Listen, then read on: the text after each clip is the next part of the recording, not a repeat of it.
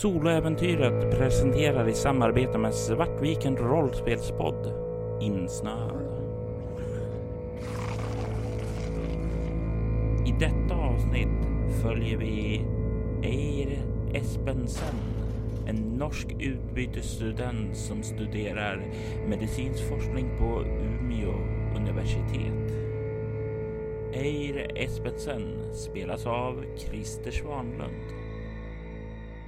Klockan började närma sig midnatt. Men trots det var inte Eir i närheten av att vara klar i universitetslabbet. Det här var hennes sista år i sin forskningsutbildning och när hon var klar med den skulle hon vara garanterad anställning hos Alpha 1 Omega Industries. Hon hade sitt på det torra, i alla fall om hon lyckades slutföra sin utbildning. Det var inte det faktum att Eire hade flyttat från Norge till Sverige för att slutföra sin utbildning på Umeå universitetet som påverkade henne. Denna omställning hade gått mycket bra. Istället var det sömnproblemen och mardrömmarna som höll henne vaken sent på natten. Sällan var det hon somnade förrän framåt morgonkvisten. Sakta hade Eire vridit på dygnet. Men lyckligtvis var inte det ett stort problem nu under det sista året av hennes medicinska forskningsutbildning var det mycket tid hon spenderade i labbet och hon kunde styra tiden när hon skulle vara där. Det var tisdag den 11 december 2012 och det här var den sista veckan innan juluppehållet. Eijers schema var ganska tomt, men hon hade på förmiddagen den 13 en uppgift. Hon skulle hjälpa till där på morgonen på Tegs seniorboende då en skolklass skulle komma och lussa för pensionärerna. Om Eir bara höll sig vaken tillräckligt länge skulle hon kunna vrida dygnet så hon kunde komma hem, sova, kliva upp nästa dag, åka direkt till universitetet och arbeta i labbet och sedan därifrån till pensionärsboendet. Eir du är ensam i laboratoriet. Det var cirka två timmar sedan den sista lämnade labbet och eh, du har varit ensam sedan dess. Du håller på med din forskning, går igenom dina anteckningar, gör dina eh, experiment och sådant så som läroplanen föreskriver. Hur är det just nu i laboratoriet där du är? Är det som så att det är helt tyst och nedsläckt eller har du tänt upp eh, ljus? Är det helt eh, alla lampor är tända? Har du någon musik igång? Hur ser själva miljön här inne nu när du studerar helt ensam? I stort sett det första som jag gjorde när eh, när jag är säker på att eh, de, den sista hade gått och jag var själv där och de inte skulle komma tillbaka så eh, smög jag upp mina blockljus och eh, några värmeljus från lådan som jag har mina anteckningsmaterial och sånt ifrån. De har jag ställt upp på bänken runt om och det är det enda som lyser upp lokalen där jag sitter. I övrigt så är det tyst. Hur är det? Är du en social människa med dina medstudenter eller är du lite mer av en ensamberg? Jag har väl ett uh, funktionellt umgänge med mina medstudenter.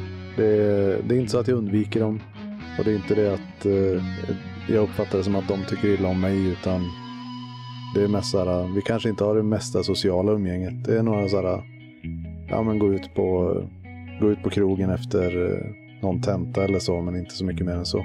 Och så studiegrupper då.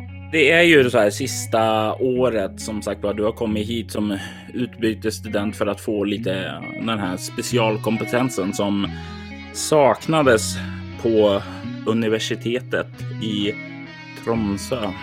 Men du har eh, fullt fokus på studiet, eh, har dina tända ljus och det är en ganska ändå mysig stämning här får man väl säga med alla de här levande ljusen omkring dig.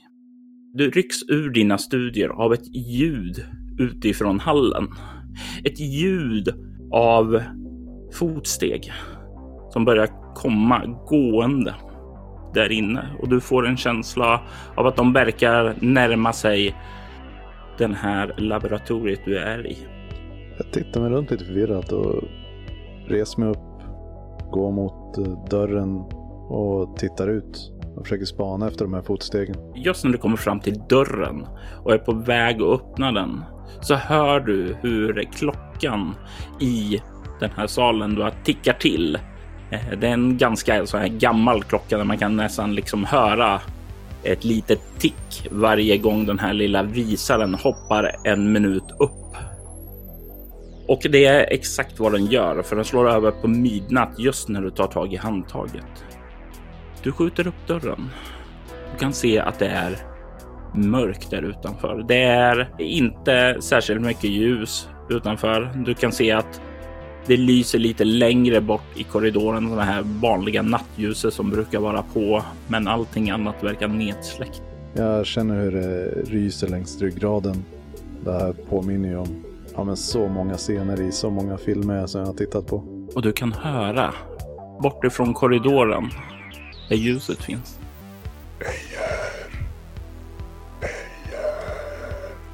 Jag slår igen dörren och ställer mig med ryggen mot den. Och när du liksom drar igen dörren och ställer dig med ryggen mot den så verkar det som om det är nog för att skapa en luftpuss för att ljusen i rummet ska släckas av det. Det är mörkt nu. Du är ensam. Du hör fotsteg komma närmare där utifrån. Jag börjar få väldigt eh, hög puls och eh, halvspringer. Eh, jag vill inte, även om jag är ensam, så vill jag inte visa min panik riktigt heller. Men jag försöker väldigt snabbt ta mig till, till bordet och börja på att fippla med tändstickorna som jag använder för att, att tända ljusen och försöker tända dem igen. Jag vill att du slår ett eh, utstrålningsskräckslag eh, mot en eh, omskakande svårighetsgrad, det vill säga att du ska komma upp i sju. Då har jag tre utstrålning och jag slog en etta. Så fyra, så det var inte alls bra. Du får en skräcknivå av det här. Du hör de här fotstegen komma närmare och du får tag i det där liksom tändstickan och försöker famla och få upp den. Och när du gör det så blir det som så att du tappar tändsticksasken och den faller ner på golvet och du står med en otänd tändsticka där i din hand samtidigt som du hörs dörren börjar öppnas. Är det här för eh, snart för mig att, påstå att det skulle vara ganska rimligt att eh, undermedvetet försöka utnyttja min eh, eldföddhet? Det innebär ju att du som har Kratos då eldfödd kan försöka att aktivera den. Och det gör ju du genom att ta en bestående förlust i en egenskap och sedan slå två tärningar plus ett. Okej, så jag tar en förlust i ego och så slår jag två tärningar. Mm. Åh nej, jag måste byta tärningar tror jag. jag slog eh, Snake Eyes, så två ettor. Så tre sammanlagt. Och det innebär att den inte aktiveras eh, överhuvudtaget, utan du eh, får inte eh, undermedvetet är inte tillräckligt nog för att dra igång där och du står där med tändstickan i handen otänd och eh, tändsticksasken på golvet och dörren glider upp. Jag vill att du slår ett kropp obemärkt för att se vad du ser. Okej. Okay. Eh, obemärkt har ett i kropp, har tre i. Så då slår jag en tärning. Fyra plus tre på tärningen. Så sju. Du kan ana en gestalt där i alla fall. Eh, ganska reslig ändå. Men du kan ju se bortsett från att han kanske har någon form av uniform från någon sån här nattvakt eller något sådant möjligtvis. Men det är ungefär det som du ser av mannen som verkar stå där i dörröppningen.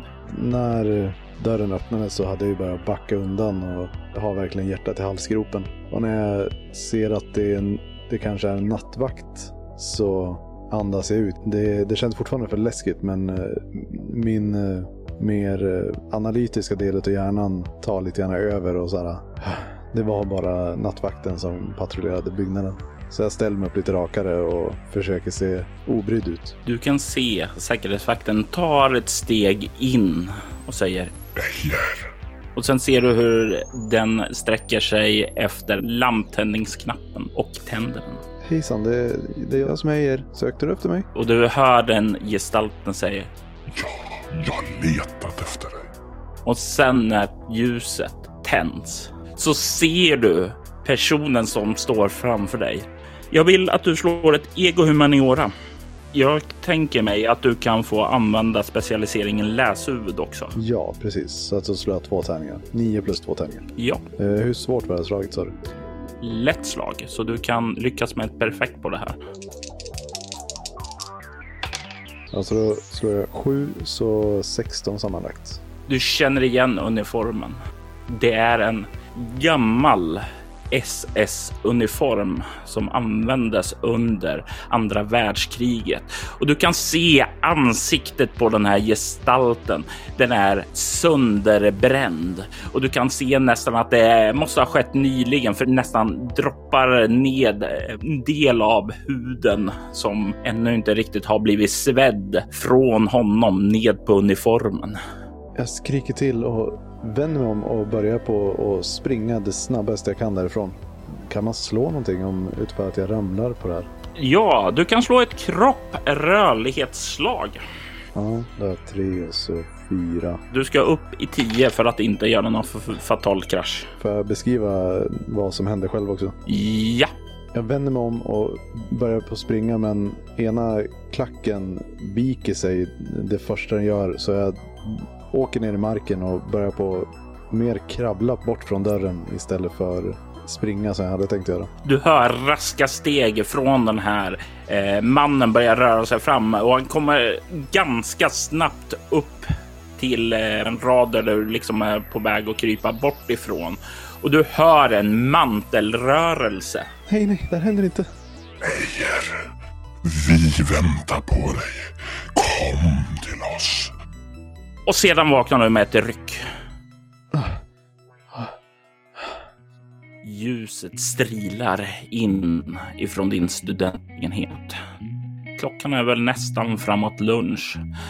Solen syns där utanför och eh, där du ligger i soffan i din studentlägenhet så står filmen eh, Nightmare on Elm Street eh, i sån här typiskt DVD-menyläge som har, filmen har spelat klart och du verkar ha somnat ifrån den.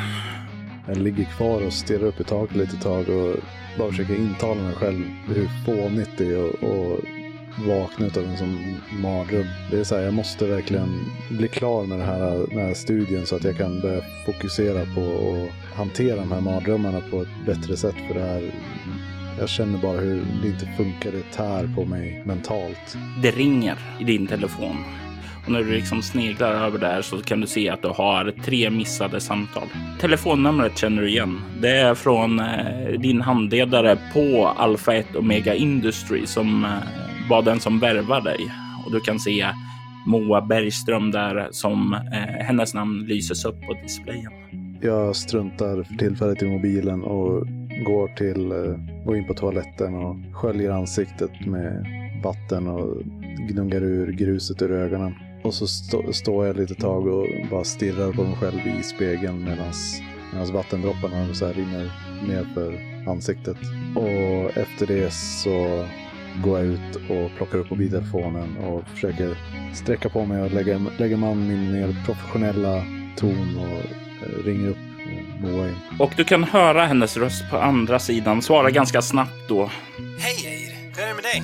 Ja, hej Moa. Det, jo, men det är bara bra. Jag låg och vilade lite tag bara. Ja, jag kan tänka mig att det är mycket som ska slutföras nu inför julen.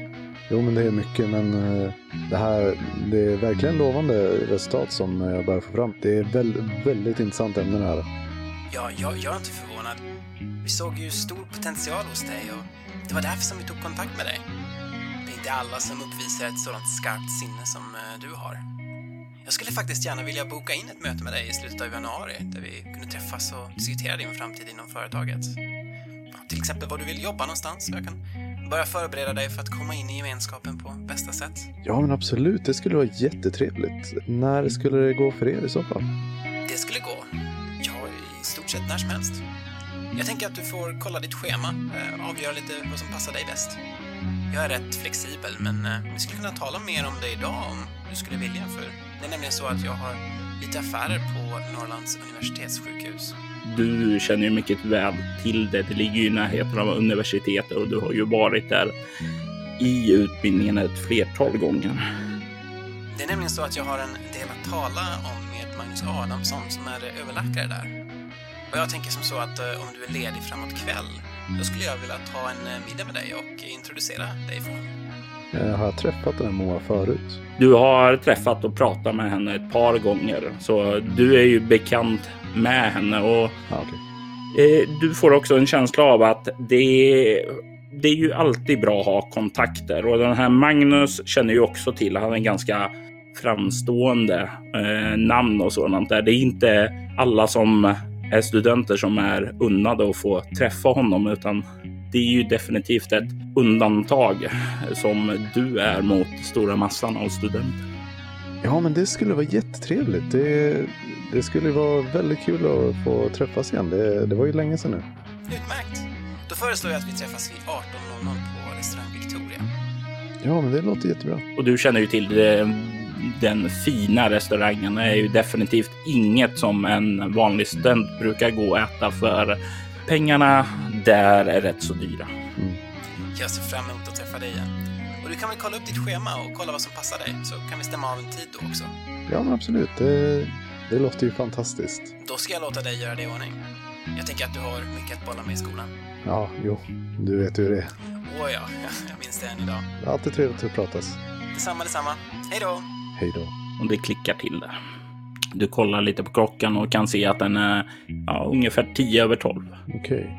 Ja, men jag gissar att jag var uppe i, igår natt och faktiskt eh, höll på att arbeta med projektet också. Eller? Du har ett vagt minne av att du kom hem någon gång efter tvåtiden. Försökte sova, men som vanligt inte var trött och reste dig upp och gick till soffan för att ta din vanliga rutin och sätta dig och glo lite på skräckfilmer för att liksom finna ett sätt att börja koppla av.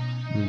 Nej, men jag tar väl helt enkelt tag i det här och går, jag börjar väl med att gå till garderoben och försöka hitta någonting som jag tror skulle passa på Victoria. Det är ju inte kanske en miljö som jag är så van vid att röra mig i så att eh, det kanske blir lite mer överklätt än vad det egentligen behövs. Men någonting passande försöker jag hitta i alla fall. Bara så jag har det planerat fram till kvällen. Någonting hittar du i din garderob i alla fall som du tror inte ska vara eh, ja, något som ska passa helt enkelt där. Så du har, eh, kan lägga ut det på sängen och känna dig. Ja, det är i alla fall klart. Mm.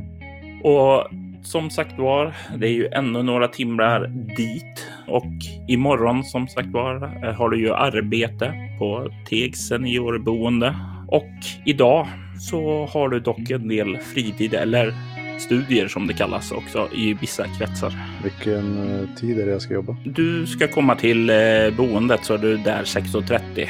Din chef Agneta Karlsson brukar vara väldigt så här sträng med tiderna. Kommer man lite sent så vet man att hon kommer gnälla över det och dagens ungdom och har ingen arbetsmoral och den typen av tugg. Mm.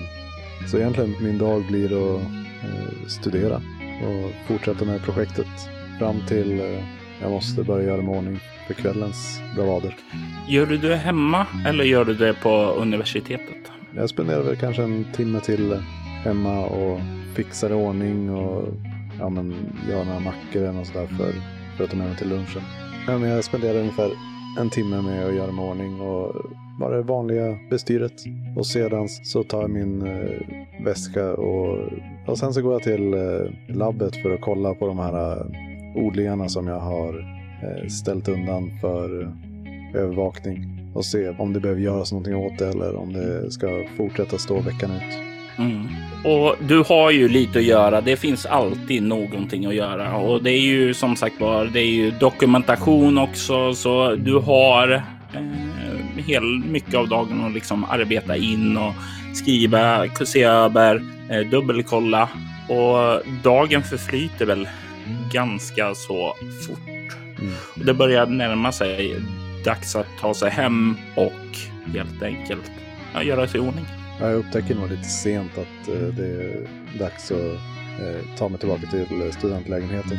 Men eh, ja, lite stressad så rör jag mig tillbaka. Vad har du i obemärkt? Eh, obemärkt har jag ett i. Du kommer hem till din lägenhet och låser upp, tar dig in, kan känna att det luktar bränt i lägenheten. Det är som om det har brunnit men liksom elden har slocknat. Åh nej, jag, jag, jag plockar på mig den lilla brandsläckaren som jag har stående i hallen. Det är någon sån här halvliters variant eller någonting så här. Och så går jag in i och börjar söka igenom lägenheterna om det är någonting som hyr eller så. Och du kollar in i vardagsrummet. Ingenting går förbi köksvrån. Ingenting kommer in i ditt sovrum. På sängen där dina framplockade kläder ligger så kan du se stort hål som har liksom brunnit igenom klänningen där så liksom du ser den är helt förstörd. Det är fortfarande lite glöd kvar i själva utkanten av det här stora hålet över bålen. Jag ställer ner brandsläckaren innanför dörren och springer fram mot den och så här. Nej, nej. Och så börjar jag så här slå, slå bort eh, det sista av glöden eh, med händerna. Och du får ju bort det. Det är utan något som helst problem. Men klänningarna är ju förstörda. Det är inte en chans att använda den utan att göra ett dåligt intryck. Jag kastar den på golvet och börjar på rota igenom garderoben igen. Jag måste, måste försöka hitta någonting som fungerar som ersättning. Du kan faktiskt ta och slå ett eh, utstrålning humaniora här. Du kan få minus två för att du är väldigt stressad och sådant. Du var ju sen hem och att rota i garderoben här tar ju också lite tid. Så minus två och du ska komma upp i ett lätt slag. Fem. Och så lyckas jag slå en femma så att eh, jag kommer upp i tio i alla fall. Du hittar en klänning och du gör det inte särskilt mycket försenad, utan du kan få på dig den och eh, troligtvis inte alls komma för sent till restaurangen. Jag, jag tar på mina finare skor på, liksom i trapphuset på väg ner till utgången. Det är ju uppe i Umeå och det är i december. Det är kallt och snöigt där ute också, så det blir ju också. Det är ju rejäla vinterkläder över det också om du Mm. inte vill lida pin. Jag kanske underdimensionerar vinterkläderna lite grann men eh, inte, inte så värst. Mm. Eh, är det så att man kan ta stadsbussen eller eh, måste jag, måste jag gå hela vägen till restaurangen? Det är ju så att du kan ta stadsbuss för att komma i närheten. Eh, Det är ganska hyfsad kollektivtrafik här, så det är ingenting att oroa sig för. Utan du kan kliva av och snart styra upp dina steg emot restaurangen Victoria. Jag inser att skorna som jag, som jag valde för tillfället är ju kanske inte det bästa i det här, eh, den snömängden som vi har. Så att jag, är väl lite lagom fuktig om, eh, om eh, tårna vid det här laget. Men ja, jag kommer in i restaurangen. Du kommer in i restaurangen och kan ju när du skannar liksom över eh, borden och ser så längst in så kan du se hur Moa redan sitter vid bordet, men hon sitter själv. Samtidigt som det kommer fram en eh, anställd och eh, säger god dag. Eh, önskas det ett bord för en person? Eh, nej, jag är sällskap till en Moa Bergström. Ah, jag förstår, jag förstår. Eh, välkommen. Eh, ska vi ta ytterkläderna? Ja, ja, precis. Jag tar lite raskt av mig eh, ytterjackan. och tar liksom och hänger in det i garderoben där och sen så eskorterar personalen dig till bordet. Och säger ja, slå er ner. Eh, önskar ni någonting att dricka? Eh, ja, ett, ett glas vatten tack. Absolut. Och du kan, kan ana också. Eh, det är någonting där när du säger vatten som det är lite. Du får en känsla också av att de ser ner lite på dig. Vatten. Eh, men Moa verkar inte se på ner utan hon reser sig upp Åh, välkommen. Så trevligt att se dig. Hon går, kliver fram och sträcker fram handen. Ja, hej igen Moa. Det är jättetrevligt att träffa dig. Jag tar handen och eh, skakar. Och därefter så gör hon gest att eh, slå er ner. Ja, har du hunnit... Jag tänkte att vi skulle klara av planeringen direkt. Har du hunnit kolla upp datum som skulle kunna passa? Jo, men precis. Eh, jag, ur eh, handväskan så drar jag upp min eh, ja, Filofax. Ni tar upp och hon tar upp sin och ni börjar kolla datum och ni kan till slut hitta ett datum som passar er båda och ni bokar in det. Och det är ungefär då som personalen kommer tillbaka med din vatten. jag har åtminstone en citronskiva i. Det, det är det. Det är snofsigt värre med isbitar och sådant där också. Och du får en känsla av att ja, det här vattnet kommer de ju faktiskt att ta betalt för också. Det är den typen av restaurang. Och sen liksom sätter sig Moa, liksom stoppar tillbaka filofaxen och eh, tar upp sitt eh, vinglas som hon liksom tar en lätt smutt ifrån och säger Ja, jag förstår att det är jättemycket för dig nu i slutet. Men jag vill att du ska veta också att om du behöver bolla något, om du behöver feedback på dina idéer så hoppas jag att du vet att jag finns här för dig. Ja, det betyder jättemycket för mig. Jag tror att jag har det mesta under kontroll så, men eh, det är alltid, alltid skönt att veta att man har, att man har någon om ryggen liksom. Ja, då är vi på samma sida. Ja, men precis. Det är det jag säger hela tiden. Och sen liksom märker du att hon, hon är väldigt så här lugn och duktig på att tala. Hon ställer lite så här eh, allmänna frågor. Hur är det i skolan? Är det, vad är det du tänker på inför den sista terminen? Och den typen av frågor liksom väldigt avslappnat och lätt att prata med. Jag försöker verkligen presentera en så positiv och eh, problemfri bild som möjligt utav det. Du kan faktiskt få slå ett utstrålning interaktion. Om du har vältalig eller något sådant som specialiseringen skulle kunna ge en bonus. Helt enkelt för att göra ett gott intryck. Tyvärr inte. Eh, så jag har tre utstrålning och så ett i interaktion. Så jag slår på det. Ja, men eh, jag kom upp med, jag tror en sexa så jag kom upp i tio i alla fall. Och det är ju nog för att eh, du ska få en bra presentation utan, eh, ja, utan några fnurror på tråden så att säga. Utan hon lyssnar och du får fram ditt budskap och du har ju redan en väldigt bra relation med henne. Så det, det verkar ju som om hon känner sig lättad att höra att det går så bra. Det är lite grann så här bara. Eh, om hon hade haft några så här orosmoment över dig så har du liksom slätat ut dem nu. Mm. Och det är liksom när ni sitter i det där samtalet som eh, hon kollar upp och verkar vinka åt någon. Jag tittar efter vem hon vinkar mot. Du kan se att det är en man i 50-årsåldern. Väldigt så här prydligt vattenkammat hår. Eh, väldigt, ja, prydligt ansad mustasch. Kostym, väldigt vacker och dyrbar sådan.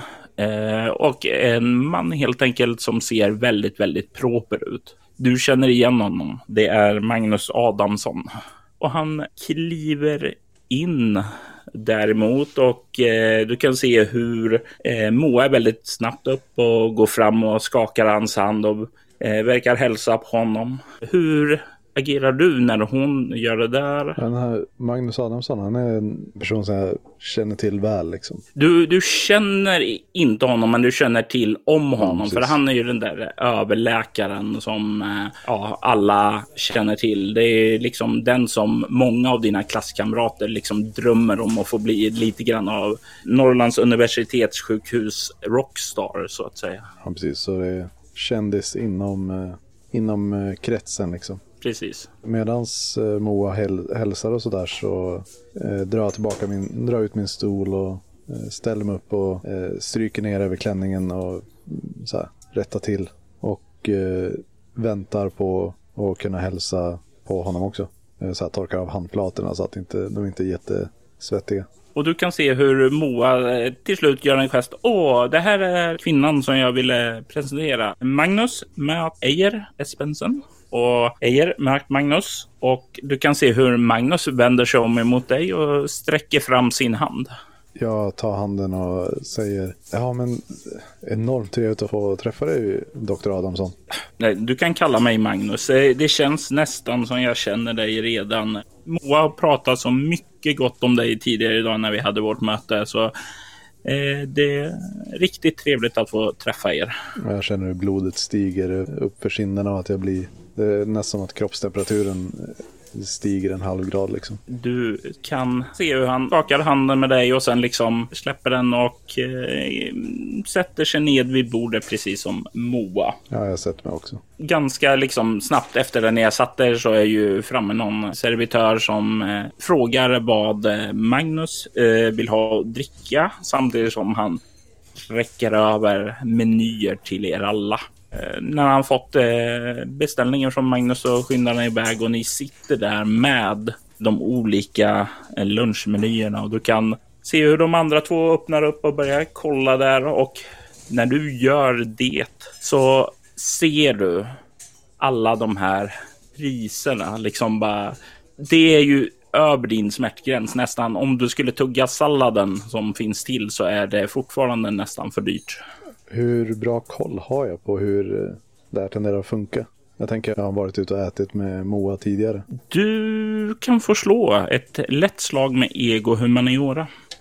9 plus 3 så 12 då. Du är rätt säker utifrån eh, dina tidigare upplevelser. Alltså att eh, Moa brukar ju ha stått när de eh, vad heter det, har bjudit dig på någonting. Och du får också en känsla av att om hon har haft ett möte med Adamsson så kommer hon att bjuda för honom och då är det nog högst troligt också att hon betalar för dig. Trots att jag vet det så försöker jag nog ändå hitta någonting som är...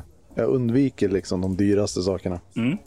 Och eh, beställer någonting ja, men så här, i rimlig prisklass. Eh, förhållande till de andra sakerna, inte i förhållande till min ekonomi. Då. Och det finns ju lite så här olika alternativ. Det finns kött, det finns fisk, det finns någon kyckling, någon soppa, någon vegetariskt alternativ. Ehm, vad, vad är det du beställer in för typ av mat? Ja, men det, det är fisk i så fall. Och du kan lägga märke till det också sedan när du beställer in att Moa verkar beställa in någon typ av kyckling. Men Magnus eh, verkar också beställa in någon fisk. Och det är liksom när du tagit in beställare så vänder sig Magnus lite åt dig och kollar på dig och säger ja, eh, Moa säger att du är inne på sista året. Hur känns det att nästan vara klar? Ja, men det, det är ju jättespännande den här sista tiden nu med när vi bara håller på att avsluta eh, studierna och eh, analysera resultaten. Det, det är ju den roligaste delen av det hela liksom. Mm, jag, nej, men eh, jag kommer ju ihåg själv. Det var ju, det var ju för ja, nästan ja, hundra år sedan höll jag på att säga. Men det var ju ett bra tag sedan sist. Men man kommer ju ihåg i början så var man var ju lite vilsen och så då och sätta in sig i allting. Men i slutet då hade man ju kommit så långt att man hade koll på vad man kunde och man kunde gräva ner sig i det man verkligen, verkligen gillade. Så jag tänker ju att det måste ju vara skönt att eh, verkligen få fördjupa sig i det. Ja, men verkligen. Det, det har du helt rätt i. Vad, men vad var det du gjorde ditt arbete om? Som du eh, säkert vet så är jag en thoraxkirurg så det handlar ju mycket då om hjärtat och eh, just det. Jag arbetade utifrån att ta fram en ny sätt att underlätta transplantering av hjärtat då. Så jag önskar ju idag med all kunskap jag hade att jag hade gjort lite annorlunda då. Men jag tycker nog inte att jag behöver skämmas för den eh, idag säger han och skrockar lite sådär för sig själv. Nej, men så är det alltid. Man lär sig av sina misstag. Ja, så, så är det ju. Så är det ju. Jag, jag minns ju själv att jag arbetade ju upp mig själv. Jag hade ju inte särskilt rika föräldrar som kunde hjälpa mig så, utan jag hade ju. Jag, jag kommer inte ihåg allt. Jag hade ju två arbeten vid sidan om eh, som tog energi och kraft, så jag kunde inte ägna all energi jag skulle velat göra där. Så jag känner väl att det också tog lite kraft och ansträngning från min slutarbete. Hur är det för dig? Eh, jobbar du med någonting? Jag har en liten, eh, ett vikariat som jag, som jag jobbar på. Det är väldigt eh, givande i att, eh, att få komma ut och, och träffa, träffa människor på det sättet också. Ja, absolut. Nu, själva arbetet i sig är ju förstås jätteintressant men eh, det, det är ju inte allt man behöver i livet tänker jag. Nej, nej, absolut inte. Absolut inte. Eh, vad- får, man vara så nyfiken och fråga vad ni jobbar med? Jag skruvar lite på mig och känner att eh, det kanske inte är det mest kreddiga jobbet att göra men eh, jag tar en klunk vatten och, och säger ja, jag jobbar på ett seniorboende här i närheten. Det, du kanske känner till vilket det är? Jag säger namnet på det. Och när du säger steg seniorboende så ser du han verkar eh, lysa upp och säga ah, där har ju jag min mor. Känner du till Berit? Och visst känner du till Berit. Det är en gammal tant. Hon är väldigt så här lite rar, lite så här. Ja, vad ska man säga? Så här, minnet kanske inte alltid är så bra, utan hon är lite så här glömsk och Ja, men jag vet eh, hur det var förr. Jag kommer ihåg exakt hur det var. Och när kanske inte riktigt stämmer längre. Och hon är den här som säger, ja men du kan väl gå och handla det här och du får 10 öre för det. Mm, det var li, li, minnet är liksom kvar i en annan tid då. Men hon är väldigt rar och trevlig. Ja, du Berits pojk. Eh, men det är bara kul. Vilket sammanträffande. Oh. Hon är ju en fantastisk gammal, gammal dam. Ja, men vad va, va, va roligt. Är det bra med henne? Jag har inte haft tid att träffa henne på sistone. Så eh, jag borde verkligen ta mig tid nu i jul och besöka henne. Eh, men eh, hon har det bra. Ja, absolut. Men eh, du vet, det är ju minnet. Det, det kommer att gå lite grann. Men eh, hon verkar, eh, hon har överlag väldigt mycket bra dagar och verkar trivas i situationen ändå som det är. Har hon vänner och bekanta där eller är hon själv? Jo, men hon har ju sitt lilla gäng med tanter som eh, de brukar sitta och fika tillsammans. Och de andra tycker väldigt mycket om att, sticka, men det har aldrig riktigt varit eh, Berits grej då. Eh, men, eh, nej, men de verkar trivas väldigt bra. Det är väl inte alltid det mesta så mycket att göra om dagarna, men de håller sig aktiverade. Du kan se att dina ord får honom att liksom le. Det är som en liten, eh, en tung sten faller från hans axel där. Lite av hans dåliga samvete verkar i alla fall lindras när du säger det. Och du får en känsla av att han kanske har gått och tänkt att hon sitter där alldeles ensam. Mm. Så du kan se att han ja, nickar åt dig ah, vad bra, vad bra, det glädjer mig. Eh, Eh, ja, och du kan se hur eh, han liksom tar en klunk av vinet och sätter ner och sen säger oh, hur var det nu? Jag hade fått någon lapp från seniorboendet. Ni skulle ha något Lucia-firande där för pensionärerna. Du vet den här grundskolan som ligger tvärs över från eh, seniorboendet? Mm. Mm. De eh, behövde tydligen någonstans att gå sitt Lucia-tåg på så att de de frågade och, och då tyckte ledningen att det kunde vara jättekul för, för de äldre att få ja, men en möjlighet att, att höra på lite fina sånger och äta lite gott fika.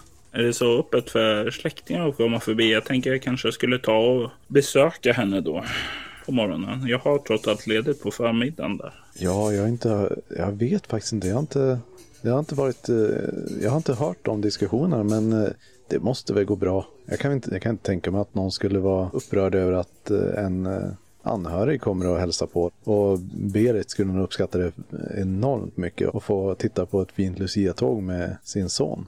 Och du kan se han nickar åt det. Ja, bra. ja men då, då ska jag ta, ta och göra det, säger han. Och liksom, du kan se han plocka fram eh, sin fil och fax och liksom, för att skriva in det. Och medan han gör det så kan du se hur Moa ler eh, från sin sida och nickar eh, åt dig väldigt så här approval. Mm. Eh, hon verkar väldigt nöjd med hur du har hanterat hela situationen. Jag nickar tillbaka och det syns väl ganska tydligt på mig att jag är införstådd i att eh, det här, det är inte bara en social grej utan det är även så här, ja men det är bra för min karriär och så här att vara på god fot med Adamsson. Mm.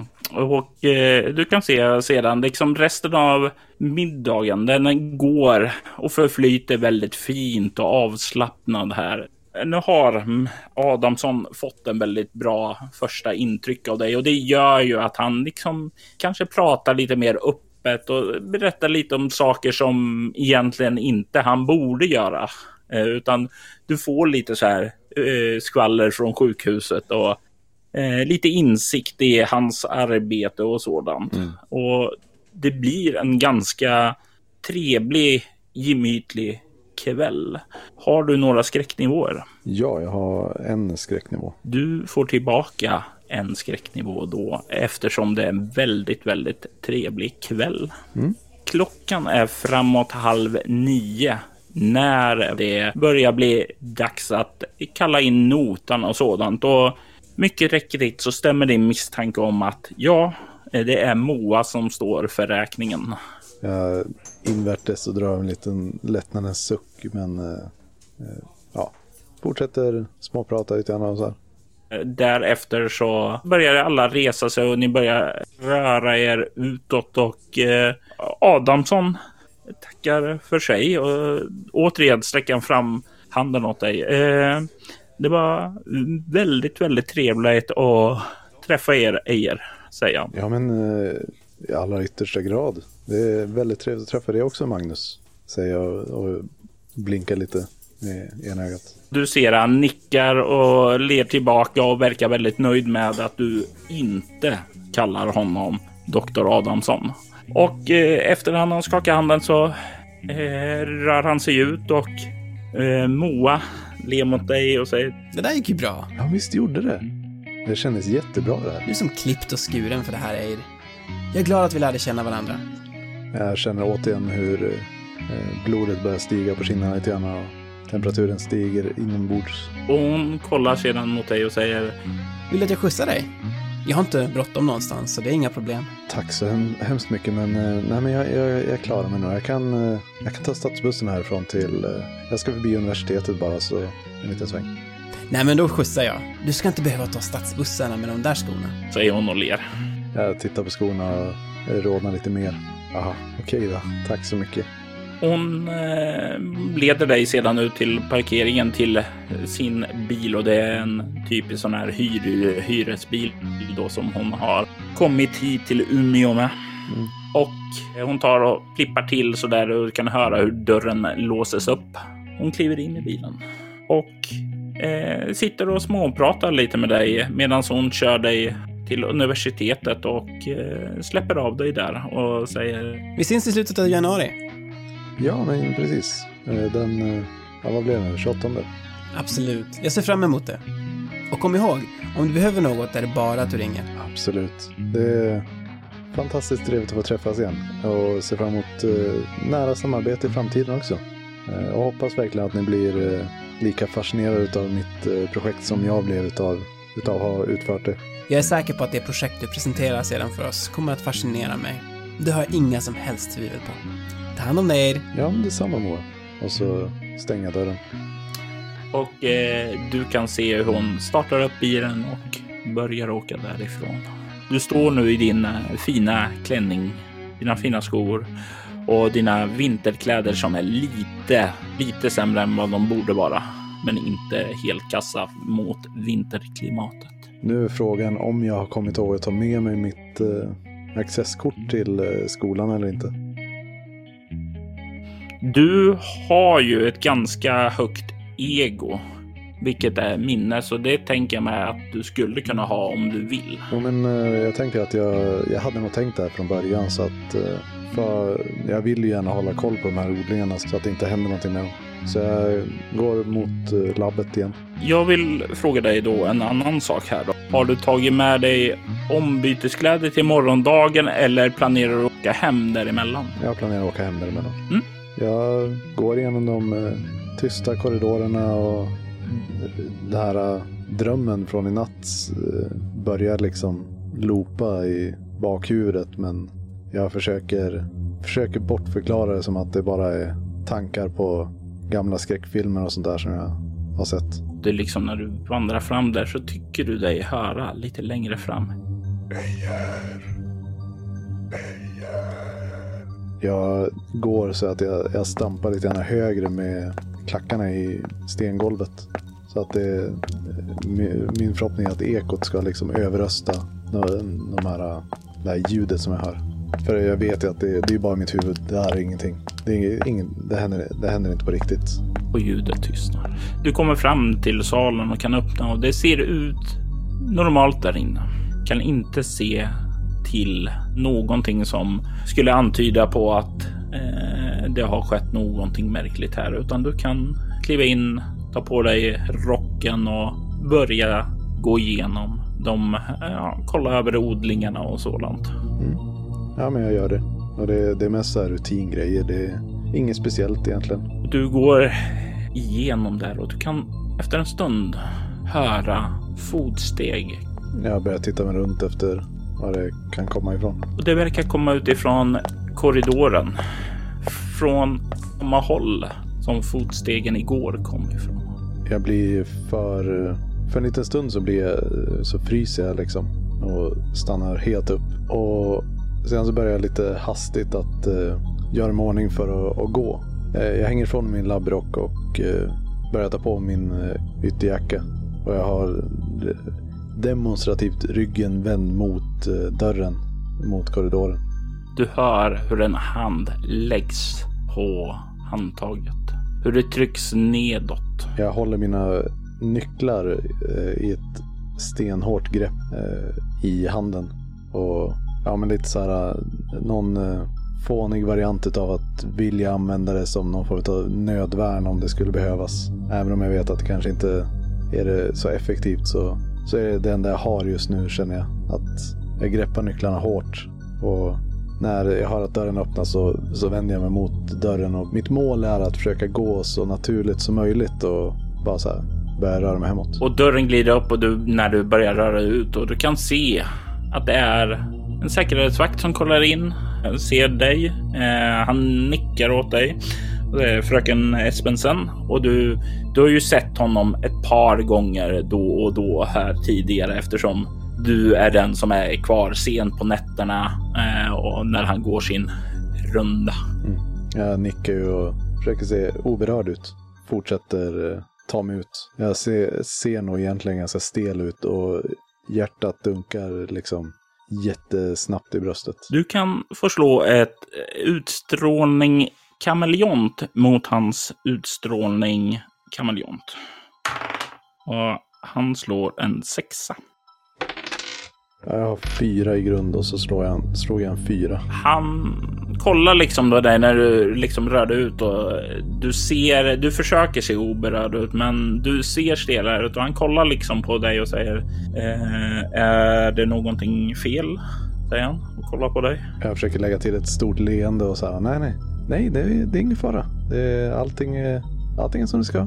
Eh, jag ska bara gå hem nu så Eh, jag antar att jag inte behöver eh, larma på eller någonting sånt? Nej, nej, det behöver du inte. Jag, jag ordnar det där, säger han och du kan se att han, eh, han ser ut att vara i medelåldern, har en liten ölmage och liksom har ett eh, ordentligt sån här, jag måste säga skepparkrans nästan eh, till skägg och en ganska kal gässa förutom håret som finns där lite på baksidan och han stirrar på dig med en blick som känns obehaglig, men det vet jag inte om det är hela situationen och, och med drömmen i sinnet som känns konstig och ekar in eller om han faktiskt ser genuint obehaglig ut. Eh, nej, nej, men jag, du behöver inte larma på.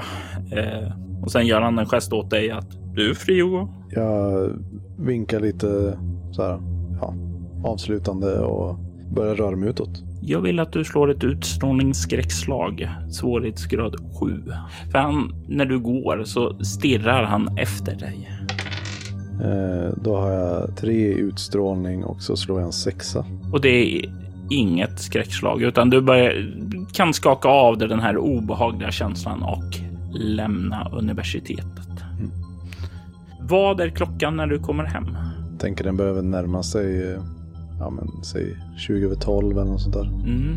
När du liksom kommer hem, hem så känner du dig inte särskilt trött. Jag sätter mig i soffan och sätter igång eh, The Bride of Chucky och ja, försöker göra mina så här, avslappningsövningar och försöker eh, tänka så här, positiva tankar som man ska göra innan man ska sova och sånt där för att inte få mardrömmar eller vad. Ja, det är lite så här hopkoket av en massa olika tips och livs, eh, livsstilscoach eh, förslag på hur man ska undvika mardrömmar. Ingen som egentligen tror på att det funkar men jag gör ändå. Är det här någonting som du professionellt har sökt upp folk och talat med eller är det så här du har gjort egen research och satt ihop eller hur, hur grundar sig det? Det här är bara egna så här, saker som jag läst i tidningar och på internet. Så ingenting Ingenting professionellt eh, rekommenderat. Mm. Du känner, vad heter det med Bride of Chucky där spelandes i bakgrunden, att du sakta, sakta är på väg att glida in i sömnen. Är det någon sista sak du tänker på eller kommer på du vill göra innan du somnar? Ja, det är väl möjligtvis sätta larm för eh, morgondagen. Attans, det var det jag tänkte du skulle missa. Eh, du eh, tar upp telefonen från bild och ställer in larmet och sen så glider du in i sömnens rike. ackompanjerat av Chuckys skratt i bakgrunden. I och med att jag, det sista jag kom på var att sätta larmet så slår jag gärna ett slag för att se om jag, om jag lyckas sätta larmklockan rätt. Eller om jag tänker fel i sömn, sömnigheten liksom. Det kan du få göra. Eh, jag tänker ju mig att det är ett, ett ego obemärkt skulle jag säga för att fingra rätt här och inte slinta med fingrarna. Eh, och då tror jag sju på det. Totalt sju alltså. Du eh, vaknar upp av att det tjuter. Larmet igång. Du är skittrött. Bride och Chucky står i menyskärmen precis som förväntat. Men du är, känner dig som att åh, du skulle gärna sova ett dygn till ungefär. Du har vaknat mitt i en sömncykel. Mm. Ligger som vanligt kvar och stirrar upp i taket och försöker så här, bara skaka tankarna ur huvudet. Eh, drömde jag någon mardröm i natt? Faktiskt inte. Eh, du hade för en gång skulle en ganska behaglig dröm eh, och du, du minns inte riktigt vad, men du tror att det var någonting med Magnus och Moa. Okej, okay. alltså jag känner inte att jag behöver ligga kvar så länge och analysera det utan jag går upp och skvätter vatten i ansiktet och torkar ur grus ur ögonen och inser att jag, så här, ja, jag måste kolla vad klockan är så att jag vet hur mycket, hur mycket tid jag har på mig. Om det var första larmet jag satte som eh, jag vaknade till eller... Som sagt, om du börjar 6.30 eh, och säger att du kanske har en eh, halvtimme till jobbet. Vad sätter du på klockan på då? Ja, då sätter jag mig på typ fem. Och när du liksom blaskar ur ögonen och sådant så ser du att eh, klockan är tio över fyra. Jag suckar för mig själv och överväger om jag ska försöka lägga mig och sova igen eller om jag bara ska acceptera att jag har vaknat nu. Och jag dubbelkollar mobilen också utifall. Alltså, är det var det larmet som gick eller var det någonting annat som väckte mig? Det var larmet som gick. Du har mm, fimlat med, eh, fumlat med fingrarna. Åh oh, nej. Jag funderar lite kort på om jag ska gå och lägga mig igen och sova sista timmen eller inte. Men eh, jag börjar göra frukost istället. Jag måste ju fixa någon form av mellanmål tänker jag till. Eh, så att jag kan ta med mig på jobbet. Mm. Så det blir att jag ställer mig och fixa det. Tänker att jag ska försöka vara duktig och göra någonting ordentligt att äta till, till lunch istället för det vanliga mackan eller snabbmatsvarianten som det brukar bli. Är Ejer en sån som är, gillar att laga mat eller eh, är hon inte har tid att göra det? Eller är det någonting som hon är, ja, hur, hur är hennes matlagningskunskaper? Jag tänker att eh EU kanske inte har det eh, största bredden på mat på grund av ja, men så här, att hålla på och experimentera med mat är kanske inte ett eh, stort intresse. Men däremot så de, eh, de grejer som hon kan laga tenderar ju vara nästan perfektionistiskt eh, finslipade i hur man gör det. Och ja, hon tycker väldigt mycket om den processen men eh, det är väldigt lätt att eh, bortförklara med att inte ha tid att inte göra det. Det, det är lite grann att eh, som hennes personlighet i övrigt att det hon kan går hon gärna djupet på. Eh, sedan så blir det andra områden som blir lite lidande. Mm, absolut. Men idag får du en ordentlig matlåda och du kommer inte få höra Agneta när hon ser dig ta upp din macka och inte en ordentlig matlåda. Jag känner mig lite rättfärdigad om också. Du kan ta dig ut och bege dig iväg till Teg seniorboende. Du kommer dit, eh, kan ta dig in i eh, personalomklädningsrummet där och byta om till arbetskläderna och sedan eh, kliver ut så här i samlingsrummet och kan se att Agneta står där och eh, vad heter det, verkar samla ihop i gruppen eh, för att ta och informera lite om dagen. Och hon kollar på dig, hon nickar så är lite barskt åt dig. Sen så kan du se hon liksom, ja, hon ser väl inte helt uppskattande ut. Hon tittar på dig med en eh, ja, ganska otrevlig blick och säger det blev sent igår. Jag lägger på ett eh, ganska stort men fake leende och säger nej, så, så sent blev det inte, men eh, du vet, det, det är mycket som eh, måste klaffa med studierna och sådär. Mm. Jag hoppas bara att inte de klaffar så att eh, våra är lidande. Nej, självklart inte. Du vet att jag gör ett bra jobb. Mm, mm, mm. Eh, du, du, du är den som får ta hand om eh, Liv Aremyr, klassföreståndaren och hennes ungar när de kommer hit. Du får leda dem till omklädningsrum två där de får byta om och göra sig redo.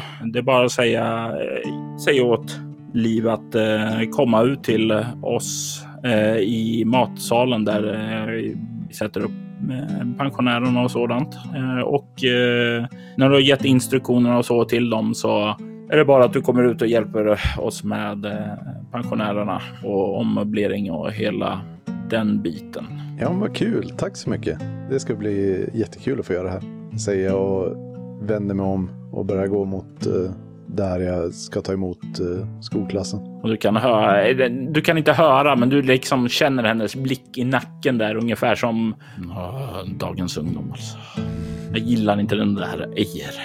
Och du vandrar dit och redan på avstånd i hallen så kan du höra hur eh, ja, eh, röster av eh, barn, tjattrande barn och en eh, nästan, ja, ska man säga, bestört fröken som säger ni, ni måste lugna ner er nu. Jag förstår att ni, ni, ni, ni vill göra och ser det framåt, men sh, dämpa er. Eh, vi är inte i klassrummet nu och du kan snart komma fram och se hur vid eh, entrédörren där innanför den så står det en klass av förväntansfulla unga skolelever och eh, en ja, blond eh, ser rätt, vad ska man säga, ung klassföreståndare ser eh, oskuldsfull och kanske lite på gränsen av naiv där liksom som är lite ute har tagit vatten över huvudet så att säga.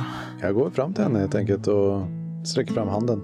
Aha, eh, Liv Aramir, det är jag som är klassföreståndare här innan.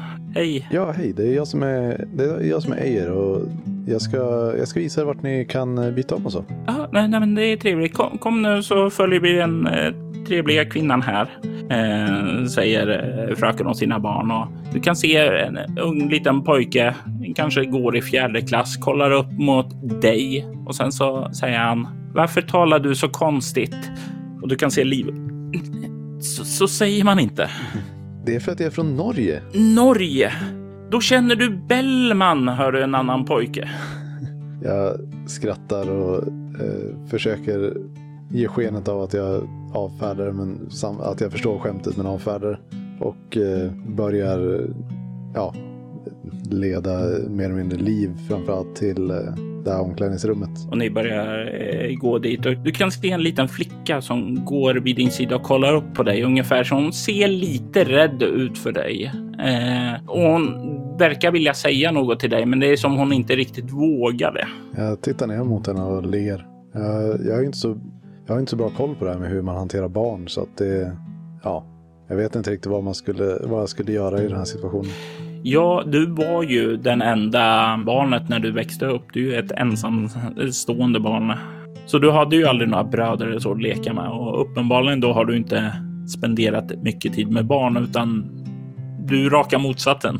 Jag tänker att i och med att eh, jag ganska snart kände mig väldigt utanför med när barnen lekte och sådär så är det ju en sån grej som har följt med mig eh, genom, eh, eh genom åldrarna och Ja, men så här, lite det här att eh, känna sig utanför och inte känna att man passar in när, eh, när barnen lekte gör ju att jag i, även i vuxen ålder är lite så här, jag håller mig på avstånd för barn fram, eh, så här, när barn är i närheten. Det är väl snarare så. Det är någon så här kvarvarande projicering. Och när du då kollar ner på den här liksom så eh, säger eh, flickan så här, min, min, min mamma, hon säger att ni, ni i Norge eh, slår ihjäl sälar på gatorna. Stämmer det? Nej, absolut inte. Sälar som är så söta, de kan man inte slå ihjäl. Nej, det tycker inte jag heller. Du vet du vad? Jag, jag jättegillar mycket sälar. Alltså, jag har en bok om det. Och sen så säger Liv eh, liksom kommer fram. Ja, ja, men du behöver inte visa boken nu när du ser att hon eh, börjar försöka fumla upp den. Och hon kollar upp lite ursäktande. Ja, det är, ja, det är en väldigt aktiv klass, säger hon och ler mot dig. Jag ler och nickar tillbaka. Och du kommer fram dit till eh, omklädningsrum två och kan släppa in dem. Och barnen börjar röra sig in och Liv då kollar in. Ja, men eh, sätt igång och börja ta på er kläderna och så ska vi ta och gå igenom rutinerna en sista gång innan vi tar oss ut. Och sen så mm, medan barnen verkar röra sig in och göra det så vänder hon sig mot dig. Okej, hur är det tänkt nu? Vart ska vi in någonstans? Och Vi ska fixa lite grann i, vad är det rummet heter? eh, matsalen. Ja, det var bara matsalen. Ja. Mm. Eh, ja, men vi ska fixa lite grann i matsalen bara så tänker jag att eh, ja, men ni, ni kan följa den här korridoren och så ställer jag upp en dörr till er. Så, så vet ni vart ni ska gå ut för att komma in i, i matsalen. Det blir jättebra. Men tänker att ni är klara om tio minuter kanske? Det, det, det ska inte vara något problem. Okej. Alma, sluta dra i Thomas hår. Sluta! Hör Ursäkta, men jag måste gå och reda upp det här innan det blir ett stort problem. Ja, men jättekul att ni kunde komma sagt. eh, Så jag återvänder till matsalen och fixar så är det bara ni kommer in när ni eller kom, kom till dörren när ni är redo och vinka till mig så, A- a- a- absolut. Alma, sluta sa jag. eh, så kan vi tajma det med belysningen och så där när ni, när ni ska komma in. Alma, ja, jag, jag, jag binkar. Ja, det blir jättebra. Ah, Thomas, nej, stopp, stopp. Och sen så hörde hon börja skynda fram där för att dra isär de två små ungdomarna. Jag går ganska långsamt tillbaka till matsalen. Så här, drar ut på stegen lite grann för att ja, undvika Agne Agneta lite extra. Du drar ut på det hyfsat bra och sen så kommer du ut lagom när allting är uppställt och pensionärerna börjar komma och du kan se precis innanför dörren där hur Agneta står och sen kollar mot det. Jaha, tog det så lång tid? Ja, men det var... Du vet, det är en livlig klass det där.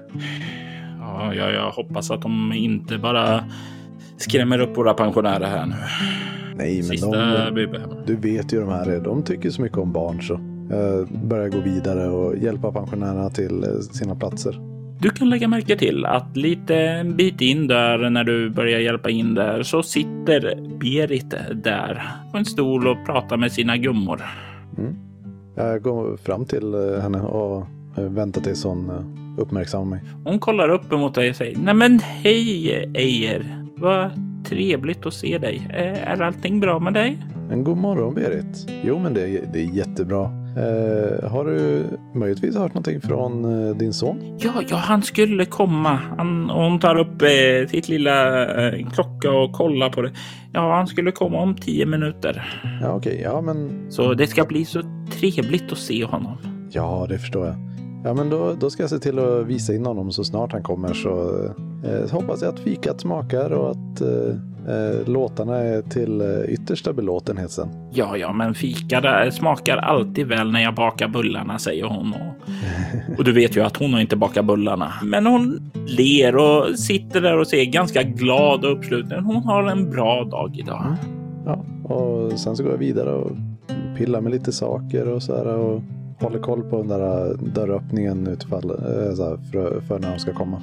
Ja, och eh, du står där och väntar och efter att ha hjälpt dem alla till plats och liksom ungefär eh, lagom som eh, du ser Liv kolla ut liksom utifrån platsen där hon stod så kan du också se hur in i matsalen har eh, Magnus kommit som eh, verkar stå och kolla sig runt. Det är liksom lite så här nedsläckt så han kan ju inte riktigt se sin mor någonstans utan står och spanar lite där.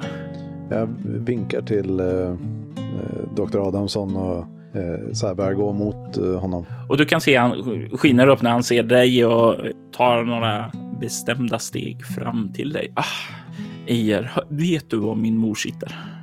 Ja, men självklart. Jag ska visa det här. Eh, väldigt trevlig middag igår. Det tycker jag absolut. God var den också, säger han och klappar sig lite på mackan. Absolut. Vilken fisk alltså. Oh, alltså, det är en fantastisk fisk de har där. Definitivt. Är du där igen, beställ alltid fisken för de har en kock som är extraordinär på fisken. Det ska jag absolut komma ihåg. Men eh, ja, men här sitter de. Nej, men Magnus, min lilla, lilla kille, säger hon och liksom reser sig upp och går tar tag i hans kind, eh, vad heter det, mellan två fingrar. Äter du ordentligt? ja, mor, jag, jag äter ordentligt. Eh, och sen så liksom böjer han sig fram och ger henne en sån här väldigt vänskaplig kram. Och du ser ju att hon skiner upp av att se honom. Hon har inte gjort det på ett tag och du kan se också att han känner sig lättare och mer härlig. Ja, han känner sig gladare, liksom dövat sitt samvete och faktiskt kommer på att det här är ju ganska trevligt att få träffa mamma. Jag står, står kvar lite grann i bakgrunden och, och ler när jag ser dem interagera. Och sedan så kommer jag på, rycker till lite så här, kommer på, ja visst ja, barnen också. Eh, och vänder mig till, eh, till dörren och börjar gå med ganska raska steg till eh, där Liv står. Och du kommer fram där och hon kollar mot dig ungefär så. Redo nu? Kliv in bara så sätt igång så eh, sitter jag här borta, säger jag och pekar på en stol som bland de andra eh, sköterskorna. Och du hör snart barnens sång medan de rör sig in. Gläns över sjö och strand Stjärna Du kan ju se det vackra Lucia-tåget tågar in.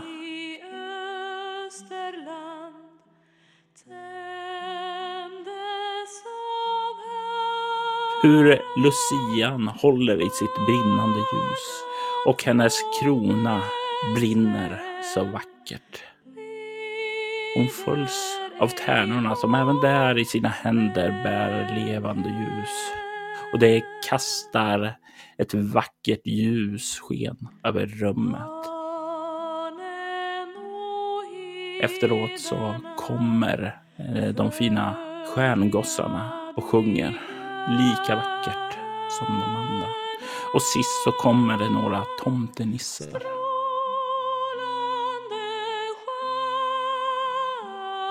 De skrider in i rummet och sjunger för pensionärerna som lyssnar andaktigt på det. Det är en väldigt, väldigt skön, behaglig sång.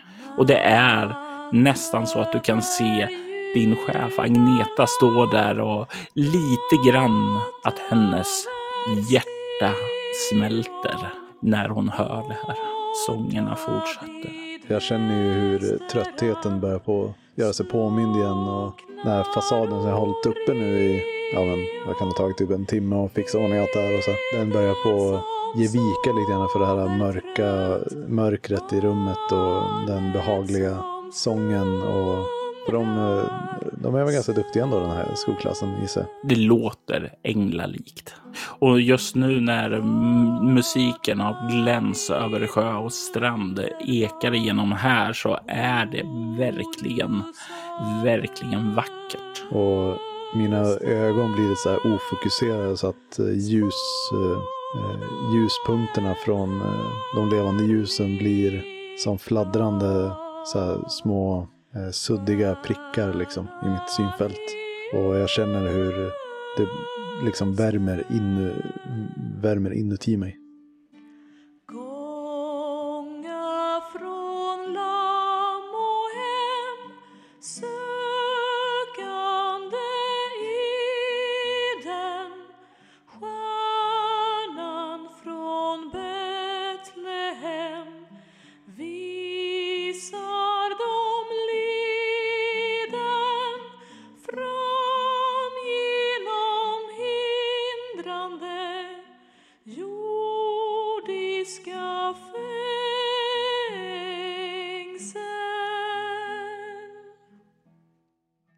Jag vill att du slår ett fruktansvärt skräckslag med utstrålning.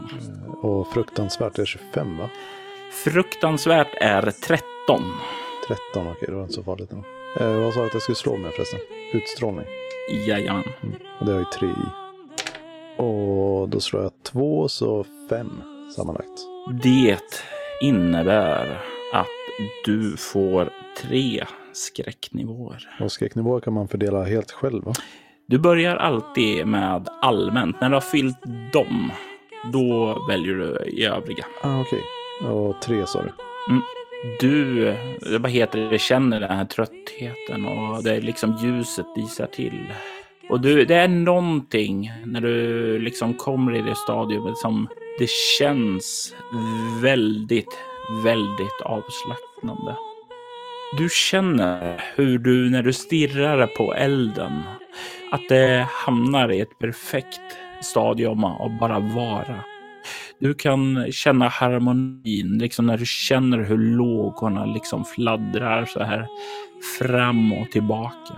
Och du känner värmen omkring dig. Du känner nästan eh, lågorna från deras brinnande ljus. Hur det liksom ger värme om dig. Bara av att stirra på det är det som nästan du kan känna det, röra vid dem. Och det är, det är någonting med det här som känns så vackert, så skönt, så underbart. Sedan så rycks du ur den här lugna stadiumet av skrik, plågade skrik. Du känner stanken av bränt människokött.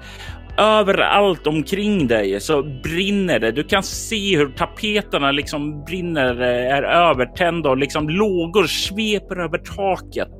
Du kan se även liksom fönsterrutorna är ju täckta av eld ifrån tapeterna och du kan se hur pensionärer står i ljusan lågor och detsamma kommer bort ifrån det eh, unga barnen som stått där och sjungit. De skriker nu. De har ingen vacker sång längre, utan det är en symfoni av smärta när lågorna liksom har spritt sig upp kring deras kläder och liksom bränt fast emot deras nakna hud. Du kan se hur Magnus och Eh, hans mor Berit verkar brinna också. Du kan se hur han försöker släcka henne samtidigt som elden börjar liksom eh, tända sig eh, allt mer och du kan se hur Agneta står och verkar försöka slå på dörren ut som nu uppenbarligen är stängd. Eh, det är full kaos, det är full panik här inne. Eh, vad gör du? Jag känner bara här. Eh, nej, nej, nej. Det här, är, det, det här händer inte. Det är inte på riktigt. Eh, det är en dröm. Jag kniper ihop ögonen och börjar på att försöka så här, övertala mig själv om att bara vakna. Och, så jag, sätt, jag sitter kvar på stolen och, och, och gör ingenting förutom att försöka vakna. Och när du liksom sluter ögonen och fokuserar det där så kan du höra Berits röst. Bara, Häxa! Det är du! Det är du som gör det här! Det är du! Må djävulen ta din själ och slita dig ner i helvetet! Ah, ah, ah! Jag böjer mig ner och sätter huvudet mellan benen och händerna hårt runt mitt, eh, mitt huvud och försöker stänga ute eh, de här ljuden. Och jag vill verkligen vakna. Det här, det här får inte hända. Du hör de högljudda snyftningarna. Bara, nej, nej, Berit, Berit, mamma, mamma från Magnus. Och, eh, du kan ju höra mer skrik omkring dig. Du kan höra Liv eh, liksom panikartat försöker springa bland sina barn och försöka släcka dem, men elden har växt sig för stark. De brinner. Det är knaperstekt kött av eh, människor som sprider sig genom lokalen. Den här stanken tränger sig upp i dina näsborrar på ett extremt närvarande sätt som liksom bryter igenom. Det här är ingen dröm, det är verklighet.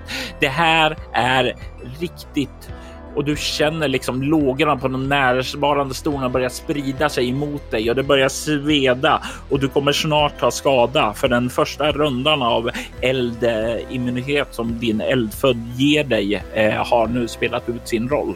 Jag, eh, jag ställer mig upp och öppnar ögonen och, och vacklar till utav dissonansen i huvudet utav att jag är så övertygad om att det här är en dröm men samtidigt så alla sinnesintryck säger mig att det här är, nej men det här händer faktiskt. Det här är någonting som, som händer. Jag somnade inte på stolen och drömmer här utan det här händer faktiskt. Och jag börjar stappla mot den här dörren som jag släppte in eh, barnklassen igen. Och det är ju den som Agneta står på och försöker trycka upp, men det går, verkar inte gå för henne. Du känner också lågorna börjar sprida sig mot dig. Du kan känna att det börjar sveda mot din eh, hy och du kan nästa runda så kommer dina kläder också slå upp i ljusa lågor. Eh, kan jag få slå på min eh, Kratos eh, nu för att försöka egentligen mota bort elden från där jag är? Du kan börja med att spendera och slå. Mm. Så ser vi om du lyckas bättre den här gången. Jag spenderar en eh, kropp. Mm. Och så slår jag två tärningar plus ett. Ja. Och värt att säga är ju att kropp också är den som du kommer att ta skada i sedan också om du blir bränd. Det är sant. Eh, Det hade jag kunnat tänka på innan jag, innan jag sa att jag skulle dra det. Eh, Men jag slog en eh, nio i alla fall. Och 9 innebär att du får välja en effekt under det he hela och sen får jag välja en bieffekt. Och då väljer jag kontrollera och forma eldar eller bränder på korta, korta avstånd. Eh, Mm. och det vill jag använda för att bara så här, i- i stort sett göra en cirkel runt mig som eh, där det inte brinner. Det kan du absolut göra. Och jag säger att eh, jag initierar nästa ja, bieffekten startar ett eldsinferno som sprider sig okontrollerat i omgivningen. Liksom det, du tar och skjuter undan det, men samtidigt så slår liksom det ut över rummet utåt. Det kan se hur flera av eh, personerna här inne, hur Magnus, hur Liv, eh, hur några av de sista pensionärerna som eh, fortfarande lever, hur de, deras kroppar, hur de slår upp i spontan självantändning och börjar brinna mera. Men du, du, du får upp en så här skydd runt omkring dig och börjar komma fram i dörren där Agneta är. Inte så att den här eldsvågen eh, tryckte, eh, lyckades förstöra dörren nog mycket för att man skulle ta sig igenom den. Eller? Du kan se liksom när du kommer fram däremot så liksom elden dör ju runt omkring dig så kan du ju se att dels dörren ser ganska illa åtgången nu och du kan se dessutom att Agneta står där liksom framför det dörren och eh, hon är ganska kraftigt brännskadad och har försökt forcera upp dörren och inte riktigt lyckas. Men det blir ju som en naturlig reaktion för henne när liksom elden bara plötsligt sänks och att hon vänder sig om och ser dig och hur elden inte verkar ta dig. Hon kollar på dig. Vad, vad, vad, vem är du? Vad, vad, vad, vad har du gjort? Vad har du gjort? Vi måste ut! Vi kan inte vara kvar här längre. Du, du, du mördare. Du, du mördar, du mördar dem alla. Varför? Varför? Ja, jag svarar inte på det utan eh, jag bara försöker öppna dörren. Och du liksom går fram där och liksom du får tag i så här, dörren för att öppna där. Då hon plötsligt sliter tag i dig och eh, vill dra dig undan från dörren och putta dig in i rummet. Samtidigt som hon skriker häxa. Och jag tänker att ni får slå ett kropp närstrid mot varandra. Okej, och närstrid är inte riktigt min eh, starkaste sida. Och för din tur är det inte hennes heller. Och det har ju inget i så jag får ju dessutom minus två på slaget då. Det är samma för Agneta, så hon har två i grunden och slår en sexa. Ja, jag har ju två i grund och eh, slog en tvåa. Eh, så jag har två i totalt. Och du försöker ju få upp den, men du känner hennes bastanta, manhaftiga kropp liksom inte har något problem att dra dig undan och putta dig tillbaka in i elden. Men grejen är att du, du har ju fortfarande kontroll, så elden liksom det blir som om det blir en liten svallvåg utåt med elden undan ifrån dig där du landar på golvet. Och du kan se att hennes kläder har nu börjat brinna. Hon liksom verkar nästan inte känna det för hon är, går någon form av adrenalinuppumpat eh, stadium där du kan se vrede och hat i hennes ögon. Hon, hon, hon verkar vara ute efter dig. Hon verkar vilja dig illa. Jag kravlar bakåt längs golvet och eh, elden eh, försvinner ju liksom i, i takt med att jag rör mig bakåt. Men jag tittar desperat och vädjande på henne och Agneta, du måste, vi måste ut härifrån.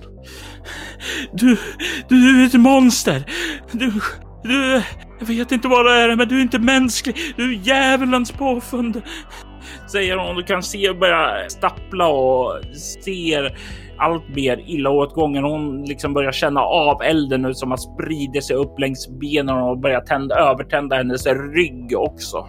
Du är rätt säker på att hon kommer att eh, kollapsa inom en eller två runder av elden. Jag vill ta tag i en stol och, och försöka liksom kasta den på henne. Och du ser ju hennes eh, stadium där liksom det, det blir inte så kanske mycket kasta utan mer skjuta fram där så hon liksom snubblar över och landar över den och sen liksom ja, sjunker ihop i eh, en medvetslös tillstånd. Men dörren är fri och hon ligger där framför dig. Och då försöker jag komma upp på fötter igen och, och springer mot dörren. Du springer där och du liksom hör de sista plågade skriken från de kvarvarande personerna där inne i rummet. Du hör Magnus dödsskrik eh, därifrån samtidigt som du kommer fram till dörren. Och du får upp dörren. Och när du gör det så kommer det ju in mer syre. Och det får ju rummet att övertända ännu mera ett inferno. Hela rummet är nu täckt av eld, förutom platsen just där du står. Jag vill eh, öppna så här brandskåpet eh, med brandslangen som finns eh, i korridoren här. Mm. Och aktivera den och börja försöka göra någon sorts desperat, väldigt o, oinformerat eh, släckningsförsök. Och du tar det där och rycker och börjar spruta. Du hör ju hur brandlarmet tjuter. Du hör ju från andra avdelningar fotsteg som börjar komma hit och eh, du liksom sprutar in med vatten där. Men det, det är alldeles. Du har så mycket naturvetenskap kan ganska snabbt se att nej, det här vattnet räcker inte. Det är alldeles för mycket eld. Det, är- det är nästan så att vattnet förångas innan det kommer in. Jag står en liten stund och, och försöker desperat så här, bara jag släcker liksom en, eh, ett litet område och så vänder jag mig vidare till eh, eh, och släcka nästa och då under den tiden så lyckas eh, så hinner det förra övertändas igen eftersom det inte är nog mycket vatten. Och efter att ha vänt mig några gånger så släpper jag bara slangen och börjar på stappla ut bakvägen genom eh, personalutgången från eh, senior, seniorboendet. Och du kan ju höra liksom fotsteg på väg, liksom passerar förbi det här eh, utgången då där du är på väg ut och liksom bara springer. Oh! Liksom upprörda röster och eh, vad händer? Vad har hänt? Vad har hänt? Och nej, det, det, det är barnet, det är pensionärerna, alla var där. Alla, åh gud, herregud, någon ringt på 112. Ja, men det, det, det, de får larma och liksom du kan höra upprörda röster som skriker där. Men allt det där skriket, det är inte nog att dränka det skrik som du hör i ditt eget huvud. Från skolklassen, från pensionärerna, från personalen, från Magnus, från Agneta, från Liv. Hur de alla skriker när köttet sveds av elden. Den vackra, fantastiska elden. Det är inte en dröm den här gången. Det är en mardröm som har blivit verklighet. Du vet inte hur, du vet inte vad, men du vet en sak. Alla dessa personers liv hänger över dig. Det är ditt fel. Du kanske inte menar det, men det är du som är ansvarig för dem och deras bortgång. Din ljusa kontakt med Norrlands universitetssjukhusets rockstjärna Magnus Adamsson har reducerats till en benhög som ligger där nu och bränns till aska. Hans trevliga mor är död och dina arbetskamrater Den där oskuldsfulla, naiva klassföreståndaren. Barnen som var så busiga och livliga. Allt är dött. Du stapplar bort ifrån Tegs seniorboende. Du måste bort. Du vet instinktivt att det, det, det borde inte. Du borde stanna här. Du borde prata med någon. Du borde, du borde göra så mycket. Men din kropp den vill bara ta sig därifrån. Du måste bort. Ingen får knyta det här. Du måste fly. Du måste fly. Och stapplande med det så tar du dig bort därifrån. Du måste gömma dig. Du måste, du måste skaffa en ny identitet. Du måste, du måste, du måste. Du kan inte vara kvar här. Du måste fly. Och det är med de tankarna som du börjar göra dig redo för att ta dig bort ifrån Umeå. Fly, gömma dig någonstans. Du drar dig till minnes ett litet avlägset hotell. Marheim fjällhotell. Du minns det. Det är så avlägset isolerat där, där. Du kan gömma dig där. Du måste bara ta dig härifrån tillbaka till Norge. Och med de tankarna så påbörjar du din flykt. Armar där sträckas dig Läppar där viska Viska de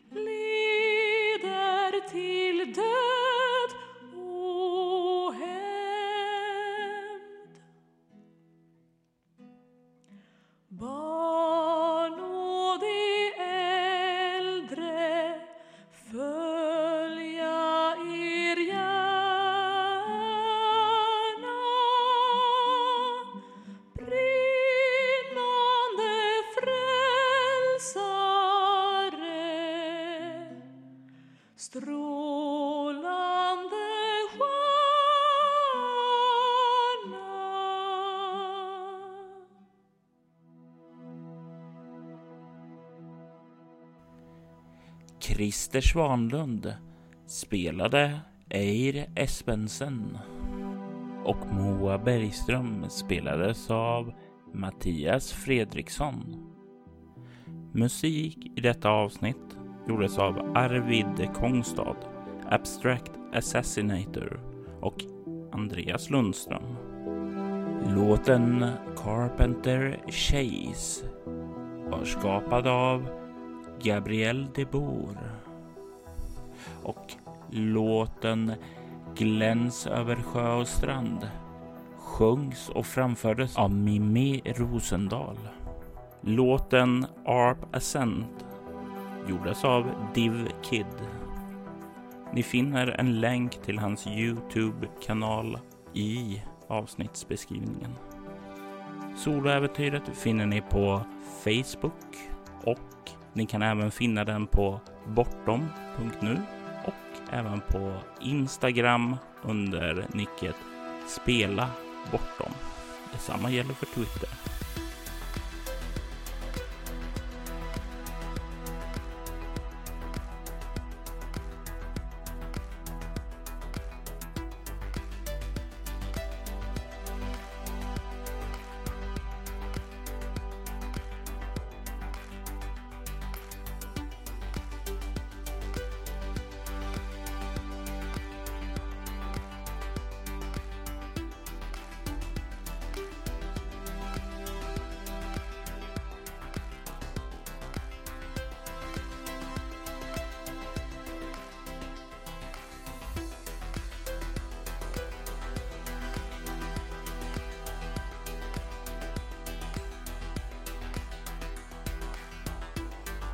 Glöm inte att när ni har lyssnat klart på karaktärsintroduktionerna att ta er tiden att gå över till Svartviken rollspelspodd. Ni hittar dem på Facebook genom att söka på Svartviken. Ni hittar även länkar till deras Instagram och hemsida i avsnittsbeskrivningen. Och jag tycker ni ska bege er över dit för när ni har lyssnat på alla de här fyra ja, då fortsätter äventyren i deras podd. Tack för att ni har lyssnat.